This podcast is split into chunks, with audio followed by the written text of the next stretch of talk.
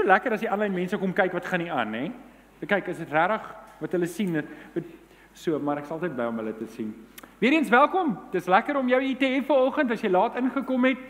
Vanoggend wil ek met jou gesels oor hoe om 'n dankbare hart te kweek.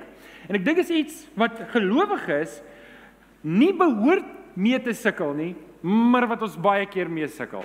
Is dit nie so dat ons westerlike kultuur, ons westerse kultuur ag, dit trek ons altyd in hierdie gat van ondankbaarheid in. Kyk nou, die buurman het nou weer 'n nuwe kar gekoop.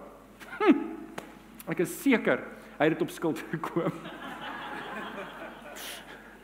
maar ek sal hom wys. en en en so is ons baie keer ondankbaar en weet julle van die simpelste van die simpelste besluite wat ek in my lewe geneem het kan ek nou vir julle sê was gewortel in ondankbaarheid. Wie van julle kan kan sê, "Oké, okay, miskien ek ook. Miskien. Miskien. Dankie. Dankie vir julle mense. Ons sal 'n huddle groepie na die tyd hou en mekaar ondersteun. Okay. Vir die res van julle, don't judge, hey. Okay. So volgende wil ek met jou gesels oor hoe om 'n dankbare hart te kweek en heel op die einde van hierdie boodskap gaan ek jou uitdaag. Ek gaan jou uitdaag om om te dink vir wie gaan jy dankie sê? Vir wie gaan jy dankie sê hier die week? Nou ons is besig met ons naamlose helde en die van julle wat die boekie volg, as jy nie die boekie het nie, jy kan vir jou boekie kry daar in die voorportaal. Ons is besig om deur naamlose helde te werk en die van vandag se naamlose held gaan ons oor praat en dit is ons melaatse, die een melaatse wat teruggekom het om dankie te sê. Ons gaan vanoggend daarop stil staan en ons gaan kyk Daai brake pads is klaar, hoor. Ons moet daai ding vervang. Ons gaan kyk oor wat dit beteken um om om dankie te sê. Ons gaan kyk na die melaatses en ons wil 'n bietjie gesels. Maar eers wil ek julle 'n klein bietjie agtergrond gee oor hierdie wonderwerk wat plaasgevind het voordat ons die teksgedeelte gaan lees, net dat jy konteks het. So, die wonderwerk wat plaasgevind het, julle onthou dit, wie van julle onthou van julle kinderdae? Was 10 melaatses wat gekom het. Hulle het die Here gesmeek vir genesing. Ons gaan nou daarna kyk. En um wat vir my wonderlik is van hierdie wonderwerk, wat vir my regtig wonderlik is en ek en ek ek sien dit in ons lewe. Ek sien dit in ons gemeente en dit is dat 10 mense, 10 mense beleef dieselfde wonderwerk, maar hulle reageer anders daarop. Julle is dit nie so nie? En en en ek eh, weet so hulle het hulle het almal dieselfde wonderwerk beleef. Hulle het almal dieselfde Jesus gesien. Hulle het almal dieselfde siekte gehad. Maar toe die Here hulle aanraak het hulle het hulle nie almal dieselfde reaksie gehad nie. En en dit is so, dieselfde in die kerk, dieselfde in die kerk. Dit kan wees dat ek hier preek Ek het net vanoggend met 'n oom gesels. Dit kan wees ek hier preek en almal van ons beleef dit anders. Kan julle indink hoe moeilik is dit vir my om te preek? Um so as jy ooit wonder of jy my verkeerd verstaan het, kom praat met my na die tyd, okay? Want um ek verstaan dit. Partykeer dan hoor jy goed en dis nie heeltemal wat ek bedoel het nie. So ek jy het vrymoedigheid. Um julle het my Willem is reg so nê. Nee. Julle het my telefoonnommer, julle mag my bel. Maar dis dieselfde in die kerk. Hier's hier's hier's hier's 300 van ons vanoggend, 320, 330 sal nou nou hoor hoeveel is hierso. En um en en dit kan wees dat dat die Here praat met almal van ons, maar ons gaan verskillend reageer daarop. En dis die uitdaging wat ek vanoggend aan jou wil rig om jou reaksie op die woord van die Here te weeg sodat jy sal sê, Here, hoe wil U hê moet ek hierop reageer? Partykeer het ons die Engels noem dit 'n knee jerk reaction. Jy weet, um, daar gebeur iets en nou se kwaad of nou se ek so of nou se ek so. En vanoggend veral rondom hierdie boodskap rondom um dankbaarheid wil ek hê jy moet jou hart oopmaak vir die werking van die Heilige Gees om vir die Here te sê, Here, wat verwag U vanoggend van my? Nou oké. Okay. Kom ons praat 'n bietjie oor melaatsheid. Dis nou 'n lekker onderwerp om oor te praat, melaatsheid. Um Ek gaan vir julle sommer net so 'n bietjie vertel iets van melaatsheid. So, dis die Engelse naam, Mycobacterium lepromatosi. Ek reken in Afrikaans het hulle altyd 'n OS agteraan. Waar's ons dokter? Uh, uh Mycobacterium lepromatosis. Klink dit reg? Klink dit medies? Ek hoop nie dis die dokters wat nou lag vir my nie. Dit klink dit klink reg. Nee. Okay, so dis die dis die tegniese naam vir melaatsheid en melaatsheid tas jou oë en jou senuwees en jou vel, dit tas jou longe aan en en in dit self is dit nie so verskriklik hoogs aansteeklik nie. Dit is 'n bakteriese infeksie wat jy kry en dan oor tyd, partykeer vat dit jou jaar. Partykeer kan iemand melaatsheid hê en die simptome kan in 'n loop van 20 jaar uitkom. Nou, van die meer ooglopende uh simptome is vlekke op die velle en dan wat gebeur is omdat die senuweestelsel sistematies doodgaan, sal jy loop en jy sal seer kry en jy sal dit nie weet nie. Hoe handig is daai ene op skool vir seuns soos ek wat gereeld moes pak ry. Verbeel jouself dit. Jy kry pak en jy voel dit nie. Maar ek het geleer, jy moet maar huil, hoor, want jy jy maak die persoon wat jou pak gee kwaad as jy nie huil nie. Ek het dit ongelukkig te laat geleer in die huis. Want my maat geweet sy slaan sagter as my pa en ek het hierdie man ding gehad van ek gaan nie huil nie. En eers later het ek die wiskunde gedoen. Ek kan baie minder pak kry as ek vroeër begin huil. Nou wie is in die diens jonger as 10? Ek wil net gesien, waar's ons Daar's vir jou goeie advies. Moenie sê jy het ooit nie iets gekry van hierdie kansel af nie. Huil vinnig, okay. Nou oké, okay, terug by my laatsheid. Terug by my laatsheid. Um Melaatsheid is baie maklik behandelbaar eintlik vandag. Daar's baie goeie bak um, bakterie. baie goeie antibiotika wat jy kan gebruik um, om gesond te word en om in 'n kwessie van 6 maande se antibiotika mediese personeel help my Johan weet of of dit so is heeltemal. Maar iets is dit. Skalk is raak jy gesond en jy's vry daarvan en jy's gelukkig. So, vanoggend as jy voel daar's 'n melaatsheid besig om op te kom, praat met my. Ek kan vir jou 'n paar goeie dokters verwys. OK. OK, nou dis om net so tongenetjies. Die probleem is, die probleem is dat in die Bybelse tyd was dit 'n ander storie. Hulle het nie antibiotika gehad nie. En wat gebeur het is mense het seer gekry, hulle het dit nie besef nie en dan het hulle aangegaan met hulle beserings en onthou net pyn is jou liggaam om vir jou te sê, "Hey, jy het seer gekry." Nou moet jy rehabilitering eers gesond word. Jy kan nie net aangaan nie. Nou verbeel jouself jy het 'n besering en jy gaan net aan. Jy het 'n gebreekte been en jy hou net aan loop daarmee en dit maak skade en jy en so mense het baie keer dood gegaan as gevolg van sekondêre infeksies van wonde wat hulle nie behandel het nie. Want onthou hulle het hulle het geen behandeling gekry nie. En, en net om dit erger te maak om julle 'n bietjie agtergrond verder te gee, omdat mense so bang was. Ooh, oh, Adrian, jy's melaats. Bly weg van my af. Dis so COVID vandag, nê? As iemand hoes het jy gesien dan sistematies dan maak almal weg van hom. En dan wat hulle gedoen het, hulle het vir die mense verban. Verban uit die stad uit, dan moes hulle buite in die bosse bly. Dit was aaklig. Kan jy verbeel jouself jy's uit jou familie uit verban. Jy mag nie met hulle sien nie. Daar was wetgewing in plek dat jy mag nie met hulle in kontak raak nie, eh, kom nie. En jy sal nou sien in die teks wat ons gaan lees, sien ons ook dat die mense het op 'n afstand bly staan en roep. Want onthou in daai tyd as jy iets gedoen het wat die mense nie van hou nie. Hulle het jou vinnig doodgegooi met klippe, hoor. Jy weet hierdie boende hofgeregtigheid het baie hoog geloop in daai tyd. En en dis om net die agtergrond van van melaatsheid. OK, voel julle hulle het 'n idee van melaatsheid? Dis 'n aardige onderwerp om oor te praat, maar dit is belangrik om dit te verstaan as ons nou die teks gaan lees. OK, maar voordat ons dit doen, wil ek met julle sê vandag se boodskap hou dit oh, die hele tyd onderliggende gedagte. Ek wil met jou praat oor dankbaarheid Dis eintlik die onderwerp, nie melaatsheid nie. Moenie by die huis kom en sê hy het vandag gepraat. Maar eh, waar het hy vandag gepraat? Nie, hy het oor melaatsheid gepraat. Nee, dis nie waar ek praat vanoggend oor dankbaarheid en ek wil jou vanoggend uitdaag om te dink vir wie moet ek vandag gaan dankie sê?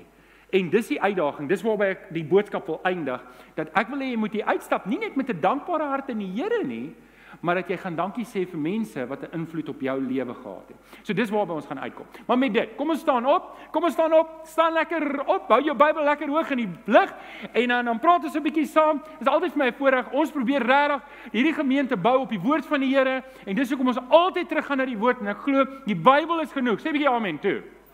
Amen. Lees saam met my. Dit is my Bybel. Ek is wat dit sê ek is. Ek het wat dit sê ek het. Ek kan doen wat dit sê ek kan doen.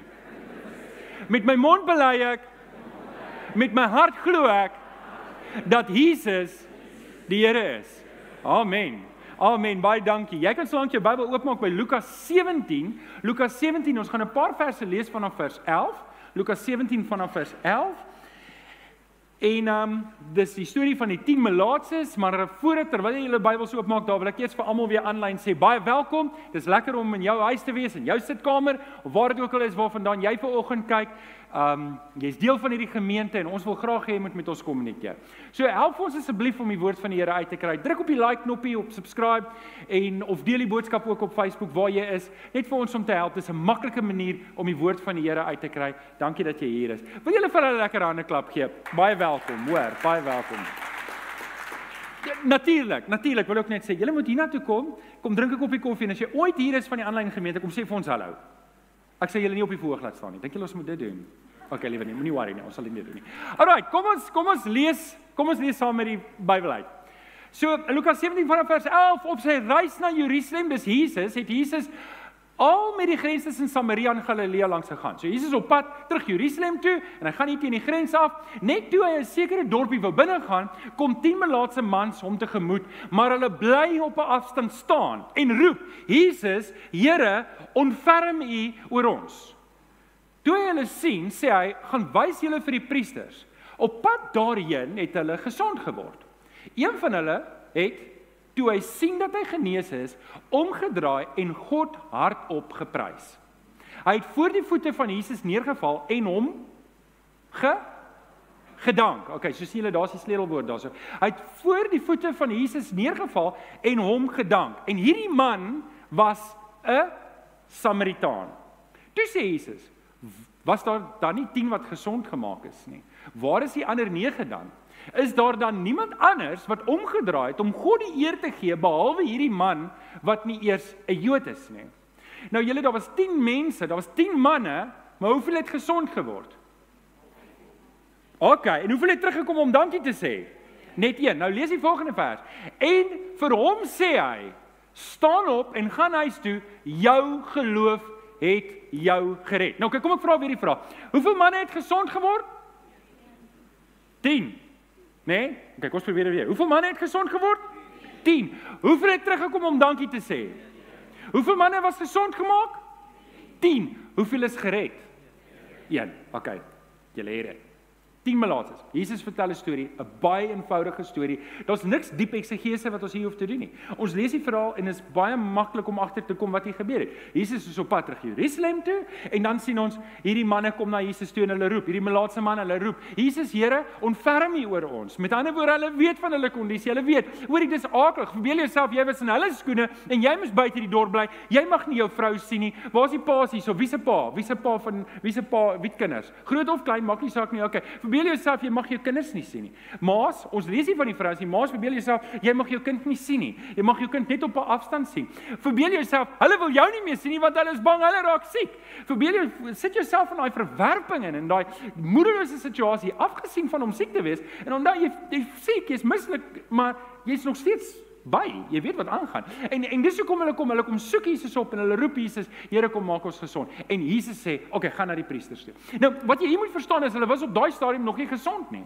Hulle was nie gesond nie. Die rede hoekom Jesus hulle na die priesters toe stuur, is want as jy sou gesond word, met ander woorde, party mense het gesond geword van melaatsheid, dan moes jy gegaan het na die priester toe om vir jou of hom te gaan wys, kyk ek is gesond voordat jy toegelaat is in die gemeenskap. En hy sou vir jou gesê het, "Oké, okay, hier's 'n offer wat jy moet bring aan die Here, jou reinigingsoffer en jou dankbaarheidsoffer, en jy sou offer gebring het aan die Here as getuienis dat die Here jou gesond gemaak het en jy was terug." So dis wat Jesus doen. Dis hoekom Jesus hulle na die na die priester toe stuur dat hulle dat die priester hulle rein moet verklaar en dat hulle die offers kan bring dat hulle kan teruggaan met hulle gewone lewe. En dis dit. So hierdie manne loop en op pad, op pad daarheen het hulle gesond geword. Nou probeer jouself jy siek. Wat dit ook al is wat fout is met jou. So jy moet ook 'n stap van geloof neem. Dis wat Jesus van hulle verwag. Jy moet nou gaan, maar hulle is nog nie gesond nie. Maar jy gaan hulle en hulle loop en soos hulle loop, raak hulle gesond. Maar hulle is al ver van Jesus af en hulle is gesond en hulle moet na die priester toe gaan want hulle wil aangaan met hulle lewe. En en daar en daar een van hulle net een van hulle draai toe om toe hy sien hy's gesond en hy prys die Here en hy hy gaan dankie Here en hy gaan terug na Jesus en Jesus vra is daar nie iemand anders van hierdie 10 wat gesond gemaak is is daar dan net een wat teruggekom het om dankie te sê en ons lees hy was nie eers 'n Jood nie. En daar's die gedagte en dis dalk die sterkste gedagte dat hierdie ou se geloof het hom nie net laat gesond word nie Onthou, hulle geloof het hulle laat gesond word. Hulle moes gestap het. As hulle nie begin stap het nie, het hulle nie gesond geword nie. Jesus maak ons altyd betrokke by sy werk deurdat ons 'n geloofsaksie moet neem. En hulle geloofsaksie was maar min. Hulle moes net gegaan het en gaan wys dat hulle is gesond terwyl hulle nog nie gesond is nie. Maar hierdie man stap die ekstra myl. Hy kom terug na die Here Jesus toe en hy kry meer as genesing daardie dag. Hy kry redding. En dis die kosbaarheid van hierdie verhaal. So, ons praat ver oggend oor dankbaarheid en Ek dink voordat ons in die boodskap indelf, wil ek dalk net 'n paar voordele gee, want ek dink ons lewe ongelukkig is opgestel om ondankbaar te wees. Ek dink ons westerse kultuur is opgestel om ondankbaar te wees, want al die alles om ons, al die advertensies is jy kort die volgende wat ook al dit is. Weet jy kort die volgende groter, wat dit ook al is. Jy kort die volgende beter wat dit ook al is. Wat dit is wat jy by jou werk doen, weet jy, dis alright vir nou, maar volgende jaar moet jy beter wees en jy moet groter wees. En ons niks fout met progressie nie, maar wanneer progressie my dryf is, dan word ek ondankbaar en wanneer ek ondankbaar is, beroof dit van my sekere goederes in my lewe wat my 'n mislike mens maak. En daarteen wil die Here hê ek moet beskerm word. So kom ons kyk 'n paar voordele, maar voordat ons kyk met die voordele, moet ek vir jou sê as ek en jy nie by die kruis van Jesus gekom het nie, kan hierdie boodskap eintlik niks beteken nie, want sien dankbaarheid in dit self kan enige mens doen. Maar om 'n dankbare lewe te leef is baie moeilik om te doen sonder Jesus Christus. Want sien julle, ek kan 'n dankbare, ek is eerlik dankbaar oor die Here. Nie oor wat ek het of nie het nie, maar oor die kruis van die Here Jesus en dat ek weet aan wie ek behoort. Amen. OK, so wat doen dankbaarheid? Dankbaarheid bou jou geloof. Wanneer jy dankbaar is oor wat waar, jy is in die Here en met wat die Here gedoen het en dat jy gered is en dat die Heilige Gees jou lewe kom verander het en jy kan sê, "Wow, dankie. Wie van julle is volgens dankbaar dat die Here jou gered het?" Sê 'n bietjie amen. Amen. Nee, sê dit as jy bedoel, sê amen. Amen. Okay, so dit bou jou geloof want dit haal jou oë van jou omstandighede af en dit sit jou oë op die Here Jesus, okay? Dit bring optimisme. Want weet jy wat? Dit maak nie saak hoe stikkend hierdie land is nie. Eerlikwaar, hoe stikkender hierdie land word, hoe opgewonde raak ek. Ek beloof julle dit. Ek wil julle dink, het die ou sy marbles verloor? Hier sou kom. Want hoe misliker en stikkender hierdie land is, hoe meer geleentheid het om mense te vertel van Jesus Christus. Is ek die enigste een wat opgewonde is? Want julle hierdie is nie jou eindbestemming nie. En as jy ongelukkig is dat hierdie land aan die brand is omdat jou eiendom in gedrang is, dan het ek en jy nie 'n ewigheidsperspektief nie, ouens. Eerlikwaar. As ek die hele tyd morbied is om te sê, ja, die land is so en die president het nou weer. Ouens, ek en jy mag nie dit doen nie. Dit borrel van ondankbaarheid en hoe ver ek is van die Here Jesus af. Ek en jy kan met optimisme hierdie lewe leef want Jesus kom terug om my en jou te kom haal. En ek en jy is om een rede hier. En dis om mense te vertel van Jesus. En hoe stikkender die omstandighede is, hoe makliker is dit. Prys die Here. Ja, okay, so dit bring optimisme, dit bring ook vrymoedigheid. Dit bring ook vrymoedigheid. Jy nou ons was in die week met 'n ou, die Here het hom geseën met 'n groot visie en 'n plek gekry en die plek het R20000 skuld in kragrekening. En En daar loop 'n ou rond en hy sê: "Hoorie ouens, ons moet hierdie ou help want die Here het hom geroep vir hierdie werk." En wanneer jy ondankbaar is, gee jy nie. Is dit nie so nie? Wanneer jy ondankbaar is, dan gun jy ook nie ander mense goed nie. Maar wanneer jy dankbaar is en jy weet wat die Here Jesus vir jou kom doen het, gaan jou hand oop want jy weet dit gaan nie oor jou nie. En jy weet alles wat jy het, het die Here in elk geval vir jou gegee. Amen. OK, dit gee vir jou waardering. Dit gee vir jou waardering oor jou verhoudings met jou mense om jou. Dit gee vir jou waardering vir die goed wat jy wel het. En weet jy wat? Dalk het jy 'n paar fancy goed. Niks bly saam met jou. Ek kan regtig saam met jou bly wees oor die fancy goed wat jy het. Maar jy mag nie jou liefde in daai goed vestig nie. Jy mag nie jou hoop in daai goed vestig nie, want dis nie wat die Here wil hê nie. Okay, so julle kry waarna ek gaan met hierdie boodskap. So kom ons praat 'n bietjie, hoe kweek ek dankbaarheid? Hoe word ek die Samaritaan wat terugkom? En vanoggend wil ek jou uitdaag vir wie moet jy vanoggend gaan dankie sê? En ek praat nie sommer net dankie ligtelik nie. Ek praat van eerlikwaar. Vanoggend wil ek hê jy moet dink wie die Here in jou pad gestuur om 'n lewensverandering in jou lewe te bring en en en dankie te sê. Weet jy daar was 'n man prof Henny Stander wat in my lewe belê en so 2 maande terug of 3 maande terug, toe stuur ek vir hom 'n boodskap en ek sê vir hom prof Henny, ek wil net dankie sê. Dankie dat jy my belê het want elke Griekse woord wat ek hier aanhaal in hierdie kerk, het hy vir my geleer. Hoe wonderlik is dit? En so ek gaan sê toe vir hom dankie. Ek het vir 'n paar dosente gaan dankie sê. En ek wens ek kon vir my onderwyser op sonnaskool wat in my belê dankie gesê het. My is in die hemel, so ek sal dit eendag doen. Maar ek kon dit vroeër gedoen het. So, okay, vir wie gaan ek dankie sê? Kom ons kyk. Nommer 1. Hier is hoe ek 'n dankbare hart kweek.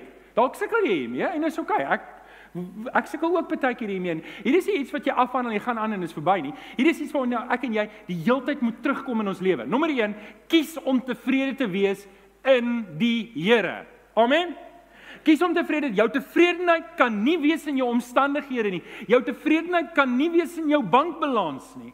Want weet jy wat? Dan as die goed skeefloop, dan is jou tevredenheid by die deur uit. Ons gaan dit nou vir mekaar sê. In 1 Timoteus 6 vers 6 tot 8 is dit asof Paulus aandring by Timoteus want Timoteus staan in die bediening en asof hy by hom aandring, moenie deur hierdie wêreld ingesluk word nie en ons word so maklik deur hierdie wêreld ingesluk deurdat ek deurdat ek om my kyk en ontevrede en ondankbaar raak en Paulus sê vir Timoteus, hierdie godsdiens.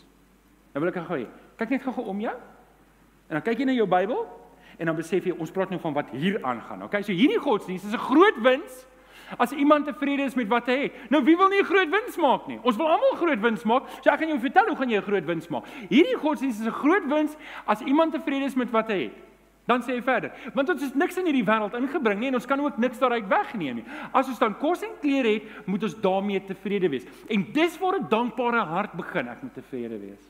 Ek moet tevrede wees. Ek moet tevrede wees want as ek nie tevrede is nie, dan kweek dit presies die teenoorgestelde, 'n ondankbare hart. Ek is ondankbaar met my man want hy doen nie goed genoeg nie. Ek is ondankbaar met my vrou.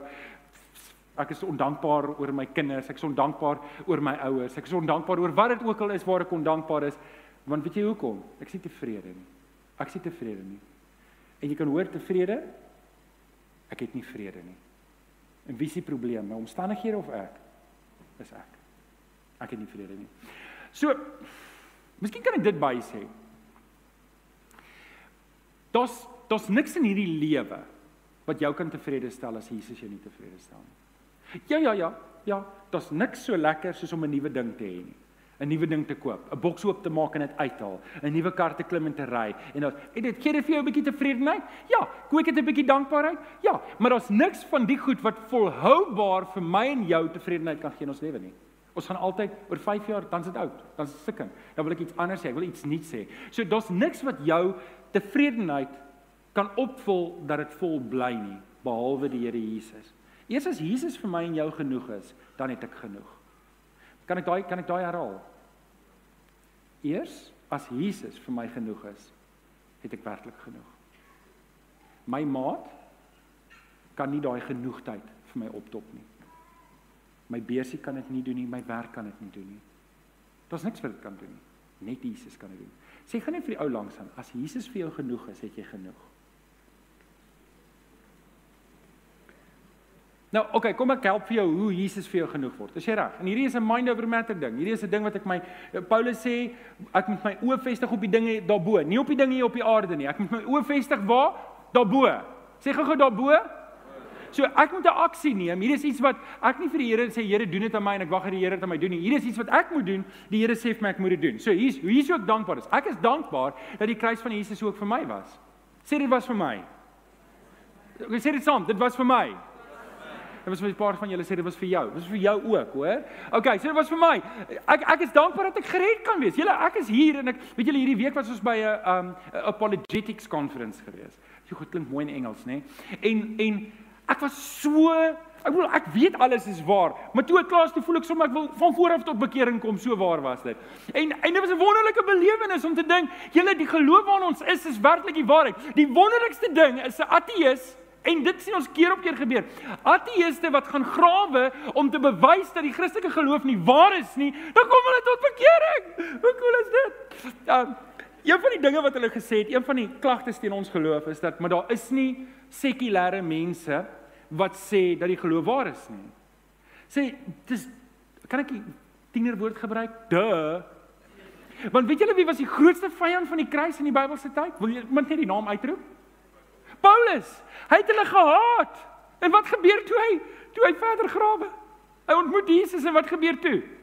Dis die probleem. Ouens wat die Here haat en aanhou grawe, kom tot bekering. Dis hoekom aan die vyande hoor is nie, want hulle kom almal tot bekering. Is dit nie wonderlik nie? Want ons het 'n wonderlike God. So, ek kan bly wees dat ek gered is. Ek is gered. Is jy werklik gered vanoggend? Amen. Amen. Ooh, werk aan daai nou. Okay, dan die volgende ding is ek is dankbaar vir waar ek op pad is. Ek is dankbaar. Weet julle, ek droom van 'n klomp goed rondom ons gemeente. Ek droom klomp goed, maar weet julle wat op die einde van die dag weet ek? Ek kan môreoggend die stof byt. Is dit die regte? Hierdie hoor? Vir die van julle wat nie beteken nie is, dan gaan ek hemel toe. Ek weet ek gaan hemel toe. Weet jy jy gaan hemel toe? Sê amen. OK, so ek is dankbaar daaroor. Ek weet dat God my waardig ag om die evangelie te verkondig. En weet jy wat? Die Here ag jou waardig Ek en jy moet net ons monde oopmaak. En dis wonderlik om te dink dat die hoogste, hoogste, hoogste gesag wat bestaan, kyk na jou en sê, "My kind, ek vertrou die evangelie aan jou toe. Deel dit met die mense." Dis wel. Dis wel. Verbeel jouself. Nee, net, net want ek dink nie ons besef hoe wow dit is nie. Verbeel jouself, verbeel jouself Elon Musk bel jou. Hmm. En sê, "Hoorie man, ek het nodig dat jy my moet kom help om Twitter te verteenwoordig." Nou die van julle wat nie nou gelag het nie, weet nie wat aangaan in die wêreld nie. Dis oukei. Okay. Jou oë moet op die Here wees, nie op die aardse goed nie. Maar wie van julle sê dis nogal vir jou 'n bietjie bragging rights gee by die braaivleis? Wie van julle sê ding dis dis as Elon Musk my bel en sê hoor jy help my en sê so ho ho ho kom ek vertel jou ietsie. OK, die Here roep jou en my om Jesus te verkondig. Dis die hoogste hoogste voorreg wat daar is. Amen. OK. Ek moet seker hierdie punt een of ander tyd klaarmaak. So, Kom ek herhaal die punt. Totdat Jesus nie vir my en jou genoeg is nie, gaan ek nooit genoeg hê nie. Jy gaan en en dit sien ons. Dit sien ons in Hollywood. Jy het nooit genoeg nie. Ons sien hoe speel dit af in die publiek hoe die rykste mense mekaar in die hof takel oor oor sinlose goed. Want weet jy wat? Al die geld in die wêreld gaan jou nie tevrede stel nie. Ek en jy moet kies om tevrede te wees in Jesus. OK, dit was punt nommer 1. So hoe kweek ek 'n dankbare hart? Ek kies om tevrede te wees in Jesus. Nommer 2. Ek kies om dankbaar te wees in my omstandighede. Dis belangrike ene. Ek moet kies om dankbaar te wees in my omstandighede. Uh, Paulus sê in 1 Tessalonisense 5 vers 18: "Wees in alle omstandighede." Sê gou alle? Wees in alle omstandighede dankbaar, want dis wat God in Christus van julle verwag. Nou wag wag wag wag. Kom ons kyk net weer na hierdie vers want dis 'n groot vers en ek dink ons moenie te vinnig oor dit gaan nie. Wees in Okay, wees in alle omstandighede. Alle omstandighede. Nou dink ek gou-gou, wat is jou omstandighede? Dink gou aan jou omstandighede. Wat is jou omstandighede? Moet net vir my sê nie, maar dink gou-gou. Dink nou aan die positiewe goed gou-gou. Ek gee jou kans om te dink. Moet nou nie wag vir my om iets te sê nie. Dink nou. Waar is jy nou? Wat is jou omstandighede? Nou dink jy, okay, so hierdie omstandighede, maak nie saak wat jou omstandighede is nie, wees in alle omstandighede wat moet ek wees? Dankbaar. Sê maar Johan, jy weet nie wat my omstandighede is nie. Wel, ek weet dalk nie wat jou omstandighede is nie, maar ek weet wat Paulus se omstandighede was. Hy was maar geslaan met 'n sweep, hy was 'n paar keer gestenig, hy was op 'n boot wat gesink het, hy was in die tronk en éventueel het hulle sy kop afgekap. Nou as ek net vir jou sê, wees dankbaar. Wie van julle se omstandighede klink erger vir jou op hierdie oomblik as Paulus se nou op die einde van die dag? Weet jy, jy kan nie jou hand opsteek nie want jou kop is darm nog op jou lyf.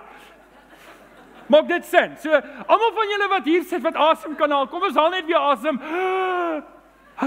Okay, so jy lewe daarom nog. Jou omstandighede is nie erger as Paulus se nie. So, wees in alle omstandighede dankbaar want dit is wat God in Christus Jesus van jou verwag. Sê die Here verwag dit van my. 1 2 3. Die Here verwag dit van my. Here verwag dit van my. Kom ons lees dit weer saam die vers. 1 Tessalonisense 5 vers 18. Melmoor dit hardop lees. 1 2 3. Wees in alle want OK, so hier is die geheim. Ek moet sê, weet jy wat? Waar ek nou is, is nie 'n verrassing vir die Here nie. Dis OK. Ek moet dankbaar wees in dit. Ek moet dankbaar wees in dit. Want weet jy wat? As ek ondankbaar is, kan die Here my nie in naamstandighede gebruik nie. Want weet jy wat gaan ek die hele tyd doen? Ek gaan die hele tyd loop en kla. Ek gaan nou ietsie sê oor kla, maar ek gaan nie kan gebruik word nie. So dalk is jou omstandighede nie so ideaal nie. Dalk is jou omstandighede en het jy regtig berading nodig? En ek wil vir jou sê dalk is jou omstandighede regtig sleg en ek wil nie jou omstandighede niks maak nie. Ek weet, paar van julle sit in omstandighede wat regtig nie lekker is nie. Dis hoekom jy met Domie Chris moet kom praat. Maar hoorie, ek wil net ietsie sê van Domie Chris. Moenie dink Domie Chris het 'n towerstafie om jou oor die kop te slaan en nou is jy probleme reg nie. Dis nie hoe dit werk nie. Wanneer jy vir Domie Chris kom sien, dan moet jy 'n pad stap en baie keer moet jy veranderinge bring. En baie keer sien ek dit dat mense hoor die regte advies, hulle hoor die regte raad, maar hulle wil dit nie volg nie. Dan bly hulle situasies soos vir dit is, dan sê hulle net maar berading werk nie. Berading werk wanneer ek dit doen. Maak dit sin? Berading werk wanneer ek dit doen. En dis 'n pynvolle ervaring, want baie keer is ek in my omstandighede nie omdat die Here my daar gesit het nie, maar omdat ek 'n paar Ek wou sê dom foute gemaak het want dis wat ek maak. Ek weet nie of julle ook dom foute maak nie. Maar partykeer maak ons dom foute en dan ek stik in 'n stupid situasie en dan dan moet ek nie die Here beskuldig of my bure beskuldig of die mense om my beskuldig nie. Ek moet man up en sê okay Here, ek het hier 'n fout gemaak, ek wil dit regmaak en dalk is dit pynvol. Maar dalk is jou omstandighede nie so ideaal nie. En dalk is dit nie eers jy wat dit in jouself gedoen het nie. Dalk is dit iemand anders wat dit in jou gedoen het Bring daai omstandighede vir die Here en sê Here, hierdie is 'n ideale geleentheid om vir U te leef. Hierdie is 'n ideale geleentheid om vir U te leef. Wees dankbaar in jou omstandighede. Wees dankbaar in al daai omstandighede. Ongelukkig is dit so dat wanneer dit goed gaan met my, is dit maklik om dankbaar te wees. Sê gou vir my, dink julle die 9 wat gesond gemaak het geword het en nie teruggekom het, dink julle hulle was dankbaar? Ek dink hulle was dankbaar. Ek dink hulle nee. Daarmee ek dink jy kan reg wees of ouetjie, ek weet nie wie wie dit is daar nie, maar maar ek dink hulle was dankbaar want kom ons sê nou sê nê. Al is jy nie dankbaar teenoor die Here nie, jy kan dankbaar wees sonder om teenoor die Here dankbaar te wees, is dit nie so nie? En ek bedoel as jy melaats is en jy skielik gesond, gaan jy tog dankbaar wees. Ja, jy, dis cool. Die ding is sê dankbaarheid in self maak jou nie gered nie. En weet jy wat, as jy nie in die Here dankbaar is nie, dan gaan die melaatse dankbaarheid jou nie lank hou nie. Want môre gaan jy 'n nuwe probleem hê en dan gaan jy vergeet die Here het jou daar gehelp. En net so hierso, dink ek baie keer wanneer dinge in ons lewe nie uitwerk nie. Ek is gered, ek behoort aan die Here, ek is lief vir die Here, maar ek verloor my dankbaarheid langs die pad. Omdat ek my dankbaarheid sit in my omstandighede. En ek en jy mag dit nie doen nie. Ek en jy mag dit nie doen nie. Ek en jy kan nie toelaat dat my omstandighede my dankbaarheid dikteer nie. Ek en jy moet toelaat dat Jesus Christus ons dankbaarheid dikteer. OK. So is dinge dalk in jou lewe nie lekker nie. Ek is eerlik jammer. Is eerlik jammer. Is dis nie vir my lekker as ek hoor dit gaan nie goed met jou nie. Is nie vir my lekker om te hoor jy worstel deur 'n paar goeters nie. En dis hoekom ons hier is vir mekaar. Ons gaan mekaar ondersteun. Maar ek wil jou tog sê, as jy omstandighede vir die Here bring, dan kan die Here jou gebruik daar. En jy kan dalk baie groter betekenis hê in jou slegte omstandighede waar jy nou is as wat jy dalk sal hê as dit nie daar was nie. Ek bedoel as ek nou hier buite vir julle 'n foto wys van my my rooi Ferrari. Nê? Nee? Dan gaan julle almal op 'n kollekte gee, maar dis nie eintlik waaroor ek praat nie. As ek vir julle 'n foto wys van my rooi Ferrari, ek het nie 'n rooi Ferrari nie net vir die rekord. Maar ek vir julle 'n foto wys van my rooi Ferrari en ek het goue kettinge wat hier om my hang en ek vertel julle van al my goeie beleggings wat ek het. En uh, jy kom na my toe en sê my omstandighede is nie so great nie. Ek sê vir jou, hoorie bid net. Gaan dit vir jou enigiets beteken? Val nie van my af nie. Maar kom ons sê jy weet ek het my fair share van swaar kry gekry en jy kan in my lewe sien hoe my dankbaarheid altyd in Christus was en hoe die Here my gebruik het. Dan kan ek iets vir jou beteken. Is dit nie so nie? En dis vir ons getuienis lê. Ons getuienis lê net juis daar en dis as jy vanoggend, ek wil net gou so kyk. Dalk sit jy vanoggend in 'n situasie waar dinge nie reg is vir jou nie. Waar dinge regtig vir jou stikkend is. Dit mag in jou verhouding wees, dit mag in jou finansies wees. Ek weet nie waar dit is nie. Ek het 'n vers vir jou of dit jou eie fout is en of dit ander se fout is. As jy jou omstandighede vir die Here gee, hoor wat sê die vers, Romeine 8:28. Ons weet dat God alles ten goeie laat meewerk vir die wat hom liefhet, die wat volgens sy besluit geroep is. As ek en jy kom en ons bring daai omstandighede, weet jy, dit mag wees dat die Here nie eers jou omstandighede gaan verander nie maar jy gaan binne in daai omstandighede dankbaar kan wees en die Here gaan jou kan gebruik binne in daai omstandighede. Onthou nou net nê, as ek die volgende TV in my lewe soek om om uit die boks uit te haal, as dit wel vir my lewe is, as ek leef vir die volgende motor, ek leef vir die volgende verhoging, dan sê Paulus in daai vorige vers, hierdie godsdienst is 'n groot wins vir die ou wat tevrede is met wat hy het. Dan gaan hierdie godsdienst nie vir my 'n groot wins wees nie, want dis nie waarvoor dit ingestel is nie. OK. Hebreërs 12 vers 28 sê hierdie mooi woorde. Laat ons wat 'n onwankelbare koninkryk gekry het. Weet jy die JC kan opgaan en kan afgaan, maar die koninkryk van die Here gaan nie op en af nie. Hy gaan net op. So laat ons wat 'n onwankelbare koninkryk ontvang het, dan nou dankbaar wees. Laat ons God dankbaar dien met eerbied en ontzag soos hy dit soos hy dit wel die Here vereis dankbaarheid van my en jou. Weet jy dankbaarheid verander alles. Die Engels sê 'n game changer, wel dankbaarheid is 'n game changer. As ek dit in my lewe inwerk en ek werk hard om dit daar te hê. En en ek wil hê jy moet nou net dink in jou eie lewe. Waar laat jy toe dat ondankbaarheid jou oë van die Here af en dit jou morbied maak en jou ongelukkig maak en onvriendelik maak? En dan moet jy dit voor die Here bely en sê Here, dis nie reg vir U nie. OK. Nommer volgende. Nommer 3. Ek kies 'n lewe wat gevul is met dankbaarheid. Nou, ons nou gesê luister nommer 1, ek vind my dankbaarheid in die Here. Dit het ons vir mekaar verduidelik. Ons gesê, my dankbaarheid is nie my omstandighede nie. Nou gaan ons 'n stapie verder om te sê, ek kies om vervul te word met dankbaarheid. Nou sê dis 'n vreemde stelling. Is dit Bybels? Hoor gou hierdie mooi vers. Aangesien julle dan Christus Jesus as Here aangeneem het, moet julle in verbondenheid met hom lewe. Ek gaan nou die vers vir julle opbreek. In hom gewortel, in hom gebou, vas in die geloof, soos julle geleer is en met dankbaarheid vervul. Okay, so dis Bybels om met dankbaarheid vervul te wees, om vervul te word, om oor te loop van dankbaarheid. Ek gaan dit nou vir julle verduidelik. So, dankbaarheid word deel van my lewensfilosofie. Dankbaarheid is my Christelike lewensfilosofie. Ek leef met dankbaarheid. Dis nie iets wat ek doen net wanneer ek gelukkig is of 'n paar dae. Ek sal ek moet elke dag, dit moet 'n kenmerk wees. Hoorie as Sanet, moet ek vir julle Sanet beskryf. Sy's baie vriendelik, sy's oulik in haar werk, sy's 'n goeie vrou vir haar man, maar kom ek sê julle een ding van Sanet, sy's dankbaar. Ek sien dankbaarheid in haar lewe. Verstaan jy? Dit dit moet 'n kenmerk wees vir my en jou. Kom ek vertel julle iets van Sanet. Sanet se se ek weet nie. Ag, nou wil ek slegte omstandighede uitdink, maar ek so bang.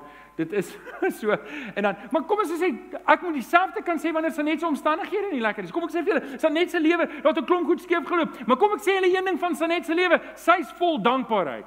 Maak nie saak wat skeef loop nie. En dis die wonderlikheid wat die Here van ons verwag. Filippense 2 vers 14. En hier is 'n vers wat ek wil hê jy moet neerskryf nou. As jy ek weet nie of jy 'n strippie 'n strokie van Total waarop jy kan neerskryf of weet nie Spurs se strokie nie, maar jy moet dit hierdie neerskryf. Skryf dit nou neer al is dit op jou met 'n koutjie op jou ID dokument of iets, ek weet nie, maar skryf dit neer. Filippense 2 vers 14. Lees ons saam met my. 1 2 3. Doen OK, julle is nou besig om te skryf. Hou gou eers opskryf en sê hom weer asseblief. 1 2 3. Doen Ek en jy mag nie geken word. O, oh, hier kom klaar kous nou weer. Hier kom klaar. Weet jy wat nê? Nee? Ek is al so moeg om te hoor van al hierdie stories van ek en jy mag nie kla nie. Dis 'n sonde om te kla. Sê vir jou langs dan is 'n sonde om te kla. Dis 'n sonde om te kla. Hoorie, dit is 'n sonde. Sou julle saamstem? Hier staan ek. Hier staan ek voor julle. Ek staan hier voor julle.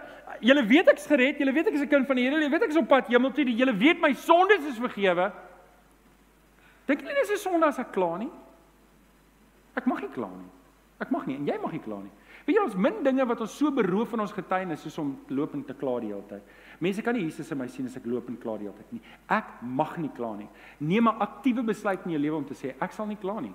Ek is nie geregtig om te kla nie. Almal van julle wat hier sit saam met my ingesluit. As ons kla, doen ons 'n groot onreg aan die Here. Ons doen 'n groot onreg. Dis hoekom ek sê dis sonde. OK, kom ons breek gou die vers op. Kom ons breek gou die vers op. En julle my horlosie werk nie daar agter nie. So ek het nie 'n klou lank ek gepreek het nie. So julle gaan hier sit tot vanmiddag toe, OK? Nee, ek het nog 'n paar minute. OK. Kolossense 2 vers 6 tot 7. Volg hom so. So aangesien julle dan Christus Jesus as julle Here aangeneem het. Nou kom ek vra net gou-gou met die opstek van hande, wie van julle het Jesus aangeneem as julle verlosser en saligmaker? OK, ek sien 'n klomp hande nie, almal se hande nie. Ehm um, so, aangesien julle dan Christus Jesus aangeneem het, so hier's 'n hier's hier's 'n voorwaarde of 'n of 'n of 'n voorveronderstelling. As jy Jesus aangeneem het, dan is die volgende wat. So, aangesien julle dan Jesus aangeneem het, gaan verder, moet julle in verbondenheid met hom lewe. En dis 'n belangrike ding. Hier is die ding wat eintlik die skakel bring. As ek nie in verbondenheid met Jesus lewe nie, Dan is dit die eerste ding wat in die drein afgaan my dankbaarheid. My dankbaarheid gaan in die drein af.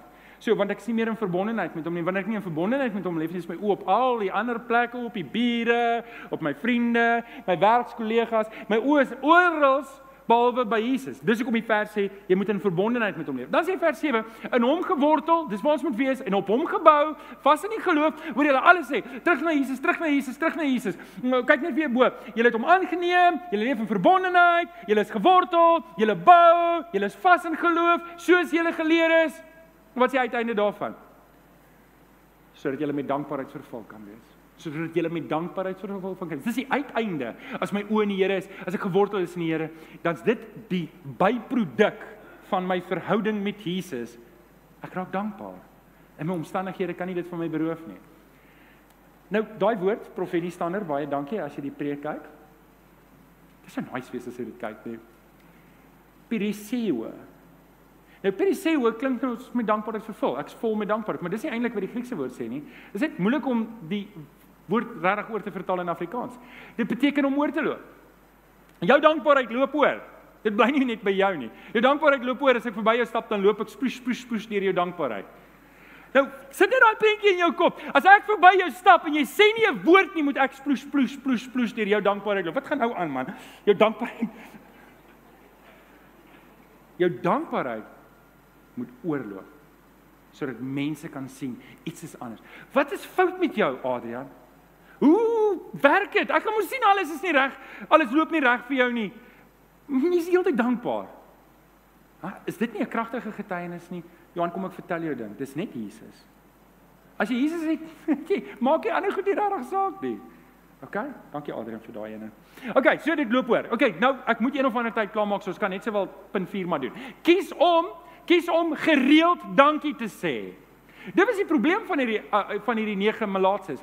Net een het teruggekom om dankie te sê. Ek is seker almal was dankbaar. Ek was seker almal was bly. Ek is seker, hoorie, as jy malaatsheid gehad het en jy kon nie teruggaan na jou kinders nie, vra enige mens en jy kan teruggaan gaan na dankbaarheid wees. Die probleem is dat die dankbaarheid was nie in Christus gewortel nie. So dit was nie volhoubaar nie. So, as ek en jy kies om gereeld dankbaar te sê, dis mos onthou ons gesê dit moet oor loop. Nou hoe gaan dit lyk as ek oorloop? As ek sê vir mense dankie. Nou Dawid sê, Dawid sê, hoe wonderlik in Psalm 139 vers 17 en 18 sê hoe wonderlik is u gedagtes vir my. O God, hoe, hoe magtig hulle almal vers 18 as ek hulle sou wou opnoem, met ander woorde hy tel dit, hy dink aan wat die Here alles gedoen het in sy lewe. Hulle is meer as wat daar sand is en as ek daarmee klaar is, sou ek nog steeds met u te doen hê. So wat wat wat hy doen is, hy tel sy seëninge. Hy tel dit en hy kies om vir die Here dit op te neem. Nou vir Eliasap, kom ek en jy speel gou-gou eers Dawid. En dis hoe ons ons stilte tyd moet begin. Jy gaan sit in die teenwoordigheid van die Here en jy maak soos Dawid en sê Here, sjoe. Hierdie ding is amazing. Dank dankie Here. Dankie dankie vir dit. Here, kyk net wat is hier besig om in daai en en voordat jy jouself kan kry, dan sê jy Wel, ek moet seker gaan eet. Ek kan nie die hele dag hier sit nie. Ek kan nie die hele dag net sê en dankie sê nie. En dis wat Dawid sê, sê Here, as ek as ek as ek aan die einde kom, dan is daar nog so baie waarvoor ek moet dankie sê, maar ek moet maar hier ophou. En dis wat hy eintlik sê en, en en dis wat ek en jy moet doen. Ek en jy moet gaan sit letterlik. Hoeveel wanneer laas? Wanneer laas het ek wil sê jy, maar ek wil sê ek ook. Wanneer laas het ek en jy vir die Here gaan sit en sê Here, ek wil eers net 'n bietjie dink oor U. Ek wil net 'n bietjie dink aan die magtige dade. Ek wil net dink Broer, ek het nou my redding genoem. Here, dankie dat Jesus vir my aan die kruis is. Dis so, weet jy wanneer ek dink daaroor wat Jesus alles gedoen het aan die kruis vir my en vir jou, dit vul my met verwondering. Maar dis nie al nie, hy hy het opgestaan, het die dood oorwin. Weet jy, besef jy, besef jy dat as ek vandag dood neerslaan, was ek by die Here. Die dood intimideer my nie. Kyk, ek is nou nie baie gelukkig met die idee van proses van om dood te gaan nie. Daai's 'n bietjie scary. Maar ek weet ek's by die Here na die tyd. En so hou ek aan om vir die Here dankie te sê. En weet jy wat doen dit? Dit maak dat ek niks van selfsprekend aanvaar nie. Ouers, ons moet niks van selfsprekend aanvaar nie. Eh, eh, ek ek moet verstaan ek is geregtig op niks nie. Um wat was wat was die nege ander ouens wat gesond gemaak het? Wat se bevolkingsgroep was hulle? Hulle was Jode. Is dit nie snaaks dat die volk van God die was wat nie dankie gesê het nie, maar die Samaritaan het geweet hy verdien niks nie. Hy hy weet in homself, dis hoekom mense sê, dis dan 'n Samaritaan wat terugkom. As ek en jy besef ons is by die agterdeur ingesmokkel, dat Jesus gekom en ons gered en ons verdien dit nie, ek verdien niks in hierdie lewe nie. Elke krummeltjie brood wat in hierdie lyf ingaan is genade. Elke liewe ding wat op my bord is, elke ding wat by my huis is, is alles net genade. Dan se ek op 'n plek om dankie te kan sê. Ek wil jou vandag kom uitdaag om die 1 in 10 te wees. Om die Samaritaan te wees. Ek wil jou vanoggend kom vra, wil jy nie die Samaritaan wees in die lewe? Om met daai houding te lewe, Here, ek is so bly, ek is so bly, ek is by die agterdeur ingesmokkel. Kom ek vertel vir julle gou-gou wat het eergister gebeur. Eergisteroggend man, ons soek netwerkgeleenthede. Ons hoop sodat iemand ons boekies vat en dit namens ons print. Want dit is 'n duur oefening. Jy ons Bybelstudieboekies. So ek en Rian en Domie Chris, ons vat toe Bybelstudieboekies na hierdie seminar toe en ons vind uit wie's die ou wat daarmee werk en ons gee vir hom die boekies. Sê vir moenie man, ons wil net 'n bietjie kyk, kyk net 'n bietjie na, gee vir ons 'n bietjie terugvoer so en so en so. Weet jy wat doen hy met die boekies? Hy sit dit by die kaggel neer en hy loop. Ouch. Maar nou geval ons ons weet ons vat maar net kansse, nê? Ons probeer maar. sien julle ons probeer ons waar ons kom. Ons vat ons kansse. En die ou, die volgende oggend sit ons en ons praat en ons praat en hy sê, "Hoorie man, wil jy nie by ons tafel kom sit en eet nie?" Nou ek weet nie wat beteken ons tafel nie, maar ek wil graag 'n bietjie met hierdie ou gesels en hy sit my reg langs Josh McDowell en ek sit daar en eet saam met hierdie man ontbyt. Hoe cool is dit? Nou julle daai daai tafel is nou gereserveer vir die span en dis nie dat hulle self verbeel hulle is iets nie, dis maar net hoe dit uitwerk. En daar sit en ek besef, ek besef wat 'n voorreg het ek om saam met hierdie man. Dis 'n mens. Maar ek besef wat 'n voorreg het ek om saam met hierdie man te kan ontbyt eet. Jesus, wow. Maar julle dis niks Dis niks in vergelyking om in my stilte tyd te besef Jesus het besluit hy wil my red. En wanneer ek op daai punt kom in my lewe wat ek besef ek verdien dit nie. Ek verdien niks nie. En nou as ek lewe regtig met dit en ek wil jou uitdaag om te lewe met daai verstandhouding, ek verdien niks nie. Elke liewe ding wat ek het is uitsluitlik genade. OK. Dis wat ek wil afsluit. Ek gaan vir jou huiswerk gee. Is jy reg vir huiswerk? Volgende week gaan ek vir julle vra julle moet opstaan die wat nie hulle huiswerk het nie.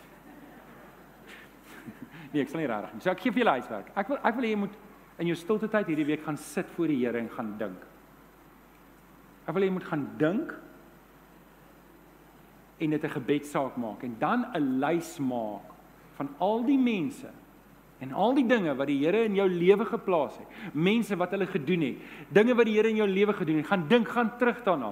Skryf dit neer, maak dit vas in jou hart. Gaan herinner jouself soos Dawid aan wat die Here in jou lewe gedoen het. Gaan skryf dit neer, gaan skryf die name neer. Ons het in hierdie week het ons gesê, gaan skryf 5 dinge neer wat die Here in jou lewe gedoen het en gaan skryf 5 mense se name neer wat 'n verskil gemaak het in jou lewe en dan gaan jy En dit gaan nie net oor die groot goed nie, klein goed nie. Skryf wat ook al opkom, of dit klein is en of dit groot is, dit maak nie saak nie. En dan wat jy doen is, is jy gaan in gebed en jy sê vir die Here vir elke een dankie. En as jy klaar is daarmee, bel of stuur 'n WhatsApp of stuur 'n SMS of wat dit ook al is, stuur vir daardie persoon 'n dankie nota. Sê ek is vir die Here dankbaar vir wat jy in my lewe gedoen het. Kom ons kom ons gaan lewe met dankbaarheid. Hiermee wil ek afsluit. My vriende, as jy vanoggend hier sit en jy sê ek is werklik 'n kind van die Here, dan moet ek en jy daai keuse maak om te sê ek moet dit uitleef in dankbaarheid. Dis iets ek gaan nie gezap word met dankbaarheid nie. Dis 'n keuse wat ek maak. Maak dit sin vir julle? Dis 'n keuse wat ek ek kies dit. Dit gaan nie spontaan kom nie. Dis iets wat ek die vlees mee moet kruisig en sê dis wat die Here van my verwag. Ek wil vanoggend vir jou kans gee ook om daar. Ek hou daarvan om julle te laat opstaan en te sê en om daai kommitment te maak. Om te sê ek staan op. Dis wat ek wil hê. Dis wat ek wil doen. Want hierdie is vir al 'n keuse wat ek en jy wil maak. En ek gaan nou vir jou bid en ek gaan vir jou kans gee as jy ook sê, Here, ek wil 'n meer dankbaarder lewe leef. Ek wil ek wil my klagtes wil ek bely voor U. Ek wil ophou want ek bely om te kla is sonde. Amen. En ek gaan nie meer kla nie want ek ek het niks om oor te kla nie. Ek's gered. Ek verdien niks nie gaan vir jou kans gee om op te staan en te sê Here, ek wil in dankbaarheid leef. Kom ons bid saam. Kom ons bid saam. Vader, U sien ons harte van vanoggend. U sien ons harte vanoggend. Here, U sien dat ons dat ons weet ons kla baie keer so. Ons is so ondankbaar baie keer en ons ons ons loop in ons oë op wat ander mense het en nie het nie en wat ander mense doen en nie doen nie. En dan Here, dan dan staan ons en ons vergeet die belangrikste en die grootste geskenk wat ons gekry het. Ons kyk dit mis. En vanoggend kom bely ons ons sonde voor U. Ons kom sê Here, jammer, jammer dat ons so ondankbaar is baie keer. En Here, ons staan vanoggend. Ons staan vanoggend omdat ons 'n keuse wil maak. En te sê Here, ons weet, dis nie iets wat U op ons afforceer nie, dis iets wat ek moet kies en ek kies vanoggend 'n dankbare lewe. Ek kies vanoggend. En as jy vanoggend hier sit en jy wil opstaan en sê ek kies vanoggend in Jesus 'n dankbare lewe, wil ek jou uitdaag om op te staan. En sê dis wat ek kies in die Here. Ek kies dit. Ag Vader, U sien ons. U sien ons, ons is openbloot voor U. En hierdie hier is dalk 'n moeilike ding want dit is vir ons moeilik om af te ons ou lewe af te lê.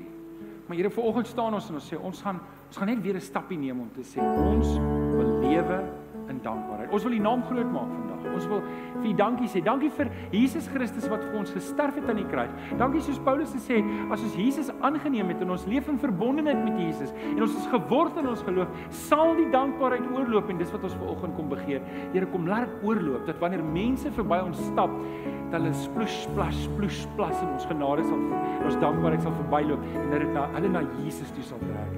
Dankie daarvoor. Ons bid dit in Jesus naam en die kinders van die Here sê Amen. Amen. Kom ons staan.